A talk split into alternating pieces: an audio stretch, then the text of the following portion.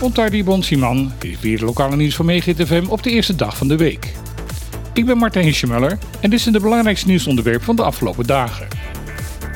Het aangekondigde excuus van de regering voor de rol van Nederland in het slavenverleden zorgt in de voormalige koloniën van het Koninkrijk voor tegenstrijdige reacties. Het is onlangs bekend geworden dat de Nederlandse regering, namens de Nederlandse staat, op 19 december aanstaande, zowel in Europees Nederland als in de zes Caribische eilanden en Suriname, haar excuus zal maken voor het leed dat door de slavernij is veroorzaakt. De reactie uit Suriname is verreweg het meest negatief. Arman Zunder, voorzitter van de Nationale Reparatiecommissie Suriname, noemt de haast waarmee opeens het excuus er doorheen wordt gedrukt respectloos. Het voelt voor hem als een haastklus en is daarom onaanvaardbaar. Hij wil dat er goed overleg komt over het hoe, waar en waarover van het excuus. Voor hem kan daarom het uitspreken van het excuus niet eerder plaatsvinden dan op 1 juli 2023. Op Bonaire is de reactie van de dialooggroep Slavernijverleden ook duidelijk. We willen liever dat de ongelijkheid uit het verleden nu wordt weggewerkt dan dat we een slap excuus krijgen over het verleden. Verder gaan er veel stemmen op dat de koning bij dit excuus betrokken zou moeten worden. Als het aan premier Mark Rutte ligt, gaat dat niet gebeuren. Voor hem moet de koning een symbool van eenheid zijn. Die moet je dus niet betrekken bij een politiek debat. Ik wilde laten zien dat het anders kan.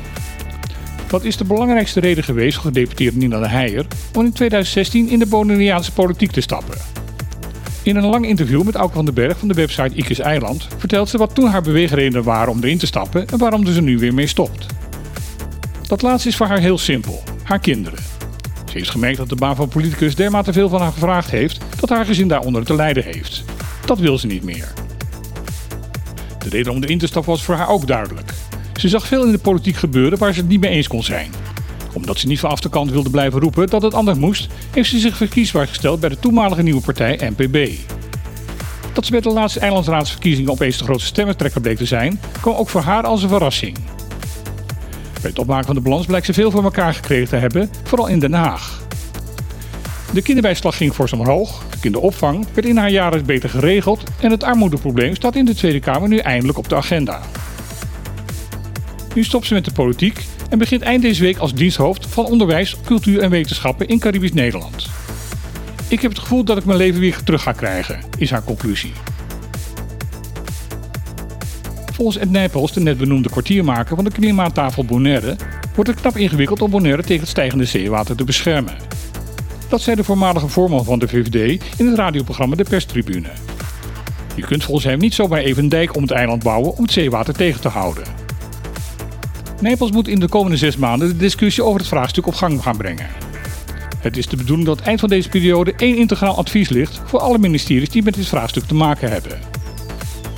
Minister Jet van Klimaat en Energie zei in de Tweede Kamer hierover dat het afgelopen moet zijn met elke keer van die hapsnap-projectjes. Hij erkent dat de Nederlandse overheid de laatste jaren ook op dit gebied tekort heeft geschoten. Hij wil dat Nijpels met de klimaattafel deze achterstand nu gaat inhalen. Tweede Kamerlid Caroline van der Plas van de Boerenburgerbeweging is sceptisch over het hele project. Zij voorziet vele snoepreisjes van de heer Nijpels met bijbehorend gevolg naar zonnig Bonaire.